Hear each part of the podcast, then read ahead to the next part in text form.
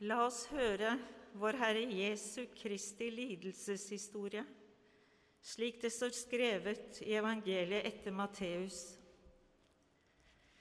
Da de hadde sunget lovsangen, gikk de ut til Oljeberget.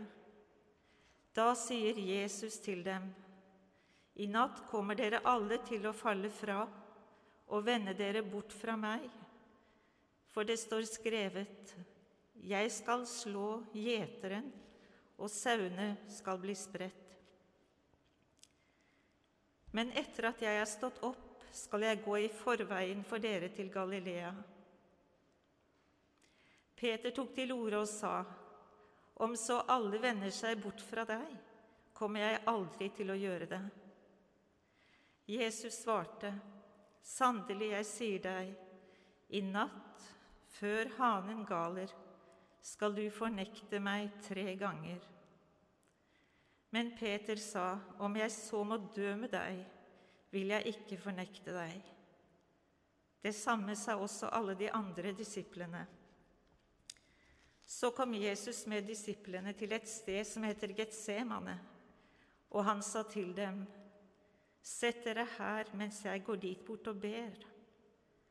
Han tok med seg Peter og de to Sebedeus-sønnene, og han ble grepet av sorg og gru. Da sa han til dem, Min sjel er tynget til døden av sorg. Bli her og våk med meg. Han gikk fram et lite stykke, kastet seg ned med ansiktet mot jorda og ba. Min far, er det mulig, så la dette begeret gå meg forbi. Men ikke som jeg vil, bare som du vil. Da han, da han, kom tilbake til disiplene og fant dem sovende, sa han til Peter.: Så klarte dere ikke å våke med meg en eneste time. Våk og be om at dere ikke må komme i fristelse. Ånden er villig, men kroppen er svak. Igjen for andre gang gikk han bort og ba. Min far, om ikke dette begeret kan gå meg forbi, og jeg må drikke det, så la viljen din skje. Da han kom tilbake, fant han dem igjen sovende, for øynene deres var tunge av søvn. Nå forlot han dem og gikk bort på ny og ba den samme bønnen for tredje gang. Så kom han tilbake til disiplene og sa, Dere sover og hviler fremdeles. Nå er stunden kommet da menneskesønnen skal overgis i synderes hender. Stå opp, la oss gå. Han som forråder meg, er nær. Mens han ennå talte, kom Judas, en av de tolv, og med ham en stor flokk som var væpnet med sverd og stokker. De kom fra overprestene og folkets eldste. Forræderen hadde avtalt et tegn med dem. Den jeg kysser, han er det. Grip ham. Han gikk straks bort til Jesus og sa, Vær hilset, rabbi, og kysset ham.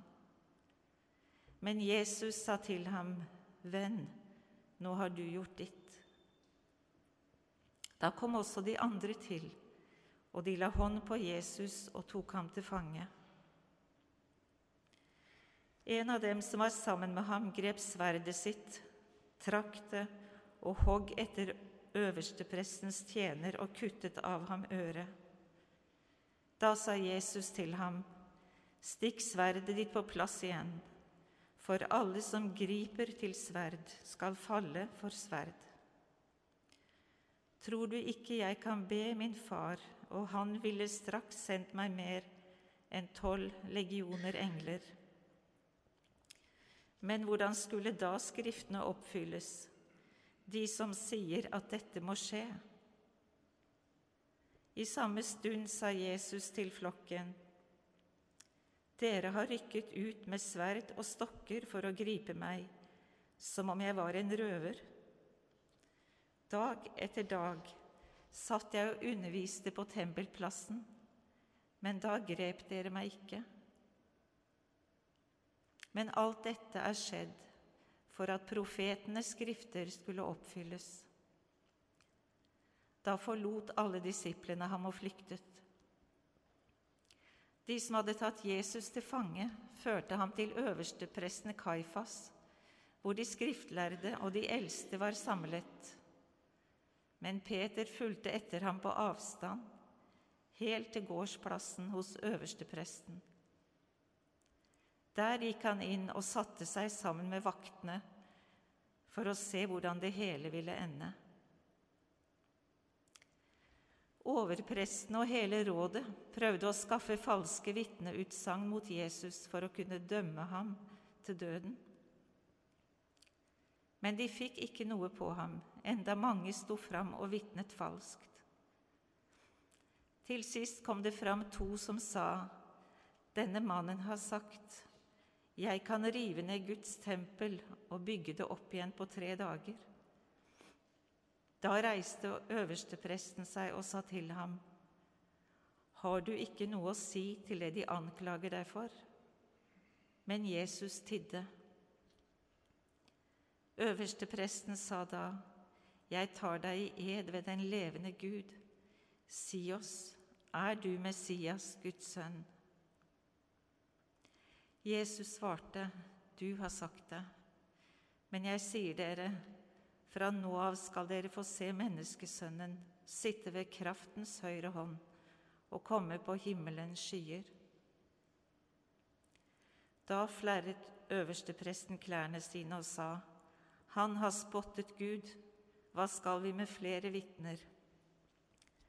Nå har dere hørt Guds bespottelsen, hva mener dere? De svarte, Han er skyldig til å dø. Så spyttet de ham i ansiktet, slo ham med knyttnevene. Noen slo ham i ansiktet og sa, Nå kan du være profet for oss, Messias. Hvem var det som slo deg? Imens satt Peter ute på gårdsplassen. En tjenestejente kom bort til ham og sa, Du var også med denne galileeren Jesus. Men han nektet i alles påhør og sa, Jeg skjønner ikke hva du snakker om. Da han gikk ut i porthvelvingen, fikk en annen jente øye på ham og sa til dem som sto der, Han der var med Jesus fra Nasaret. Peter nektet på ny og sverget på det. Jeg kjenner ikke den mannen. Litt etter kom de som sto der, bort til Peter og sa, Visst er du en av dem, du også. Dialekten røper deg. Da ga han seg til å banne og sverge. Jeg kjenner ikke denne mannen. I det samme gol hanen. Da husket Peter det Jesus hadde sagt til ham. Før hanen galer, skal du fornekte meg tre ganger. Og han gikk ut og gråt bittert. Da det ble morgen, fattet alle overprestene og folkets eldste vedtak om å få Jesus henrettet. De bandt ham, førte ham bort og overga ham til landshøvdingen Pilatus. Men da Judas, han som hadde forrådt ham, så at Jesus var blitt dømt, angret han og gikk med de 30 sølvpengene tilbake til overprestene og de eldste og sa:" Jeg syndet da jeg forrådte en uskyldig og sendte ham i døden. Hva angår det oss? svarte de. Det blir din sak. Da kastet han pengene inn i tempelet og forlot stedet. Og han gikk bort og hengte seg. Overprestene tok sølvpengene, men sa det er ikke tillatt å la dem gå i tempelets kasse, for det er blodpenger. De besluttet å kjøpe pottemakerens åker for pengene og bruke den til gravplass for fremmede. Derfor blir denne åkeren kalt blodåkeren den dag i dag. Slik ble det ordet oppfylt som er talt gjennom profeten Jeremia. De tok 30 sølvstykker, den pris han ble verdsatt til, han som Israels barn lot verdsette.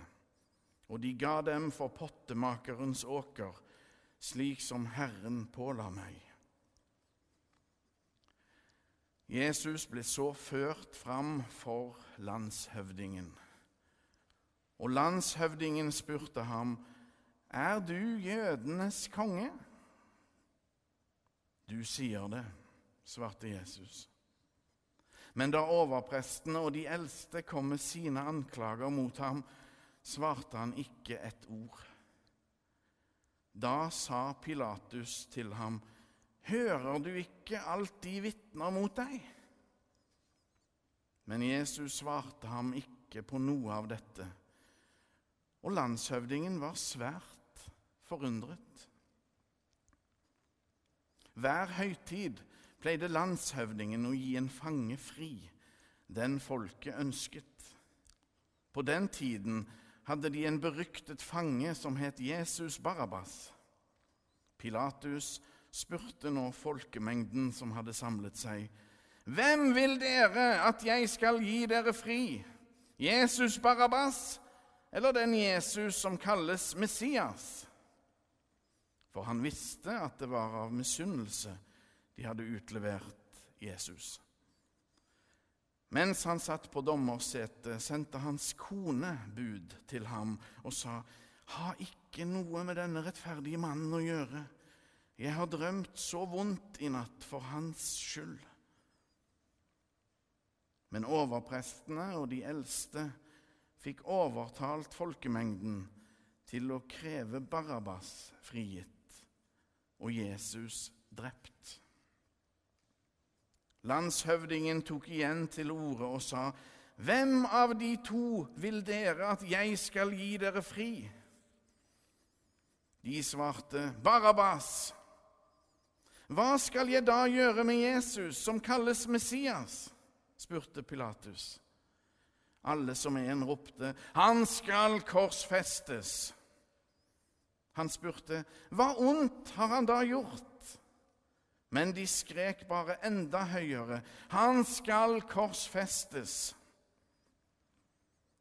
Da Pilatus så at ingenting nyttet, men at uroen bare økte, tok han vann, vasket hendene mens mengden så på, og sa, Jeg er uskyldig i denne mannens blod. Dette blir deres sak. Og hele forsamlingen svarte, La blodet hans komme over oss og våre barn. Da ga han dem Barabbas fri. Men Jesus lot han piske og overga ham til å bli korsfestet. Landshøvdingens soldater tok da Jesus med seg inn i borgen og samlet hele vaktstyrken omkring ham. De kledde av ham og hengte en skarlagenrød soldatkappe på ham, flettet en krone av torner og satte den på hodet hans og ga ham en stokk i høyre hånd. De falt på kne foran ham, hånte ham og sa, Vær hilset, du jødenes konge! Og de spyttet på ham, tok stokken og slo ham i hodet. Da de hadde hånt ham, tok de av ham kappen og kledde ham i hans egne klær.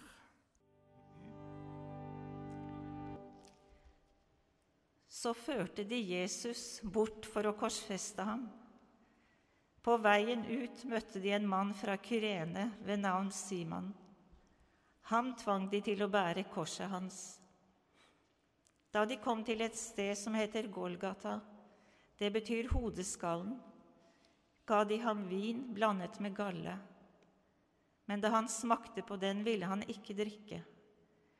Så korsfestet de ham, og de delte klærne hans mellom seg ved å kaste lodd om dem. Siden ble de sittende der og holde vakt over ham. Over hodet hans hadde de satt opp en innskrift med anklagen mot ham. Dette er Jesus, jødenes konge. Sammen med ham ble også to røvere korsfestet, en på høyre og en på venstre side. De som gikk forbi, ristet på hodet og spottet ham. Du som river ned tempelet og bygger det opp igjen på tre dager. Hvis du er Guds sønn, så frels deg selv og stig ned av korset. På samme måte hånte også overprestene ham, sammen med de skriftlærde og de eldste. De sa, andre har han frelst, men seg selv kan han ikke frelse. Han er jo Israels konge.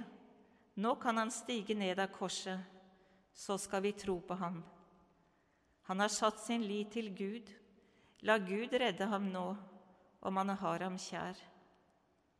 Han har jo sagt, 'Jeg er Guds sønn'. Også røverne som var korsfestet sammen med ham, hånte ham på samme måte. Fra den sjette time falt det et mørke over hele landet, helt til den niende time. Og ved den niende time ropte Jesus med høy røst, Eli, Eli, lema sabachthani. Det betyr, Min Gud, min Gud, hvorfor har du forlatt meg? Noen av dem som sto der, hørte det og sa, Han roper på Elia. Og en av dem løp straks fram, tok en svamp og fylte den med vineddik satte den på en stang og ville gi ham å drikke. Men de andre sa, Vent, la oss se om Elia kommer for å redde ham. Men Jesus ropte igjen med høy røst og oppga ånden. Slik lyder det hellige evangelium. Korsfestelse er en motbydelig og brutale henrettelsesmetode. Laga for å fornedre kriminelle eller opprørere. Og for å virke avskrekkende for alle som motarbeider det romerske imperiet. Den dømte må sjøl bære tverrbjelken og blir nagla til den, for så å heises opp på en vertikale påle. Og først da blir det et kors. Korsfestelse betydde ei skikkelig seigpining av den dødsdømte. Og noen ble hengende i flere dager før de endelig døde. Det er kvelning en dør av til slutt. En får rett og slett ikke puste. Og er en slått helseløs i forkant, så tåler en enda mindre. Så er det jammen meg ikke rart at det gikk flere hundre år før korset ble et kristent symbol. Det var jo en så altfor grusomme påminnelse om hvordan vår Herre Jesus hadde lidd så smertelig for vår skyld. Jesu lidelse og død var meningsløse. Han var i det mørkeste mørket. Jesus lot seg fornedre til det laveste lave nivået. I solidaritet og kjærlighet til alle som opplever noe lignende i sitt eget liv. Da har Jesus allerede vært der. Med sitt guddommelige vesen. Med sin store kjærlighet. Med sin medfølelse. Og da blir langfredagens kaos og enorme smerte lagt inn i et enda større perspektiv. Jesu død var meningsløse.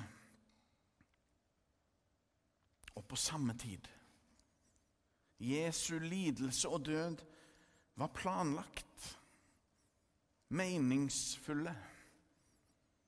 Fordi Gud ville det slik. Å forsone verden med seg sjøl er ingen lettvinte jobb. Det krever en fullkommen tilstedeværelse, et guddommelig nærvær. Så er kristendommen på ingen måte noen lykkereligion. Som kristne er vi aldri blitt lova et perfekt og smertefritt liv uten motgang. I historiens løp har vi derimot ofte sett at troens vei kan være smertenes vei. At tilværelsen faktisk ble tøffere på troens vei. Akkurat slik det var for Jesus. Men det vi har blitt lova, er følgende at vår Herre og Mester går med oss gjennom livet. At vi har uendelige verdi, skapt i Guds bilde. Og at Jesus har fullbrakt frelsesverket at han er død og oppstanden for vår skyld. Jesus har triumfert over alt som heter ondskap og dødskrefter. Ja, Jesus har vist oss at vi alle er verdt å dø for. Det har han vist oss. I påskens dramatikk ytrer han ikke ett skeivt ord. Ikke en ironisk replikk eller bemerkning faller over Jesu lepper. Og når han ber for sine drapsmenn, så er det kjærligheten som ber. Ingen kan drepe kjærligheten den er udødelig. Mye sterkere enn dødens makt. Kjærligheten er Gud, og Gud er kjærlighet. Kjærligheten ber for oss alle. Og den bærer oss alle. Ære være Faderen og Sønnen og Den hellige ånd, som var, er og blir en sann Gud fra evighet og til evighet. Amen.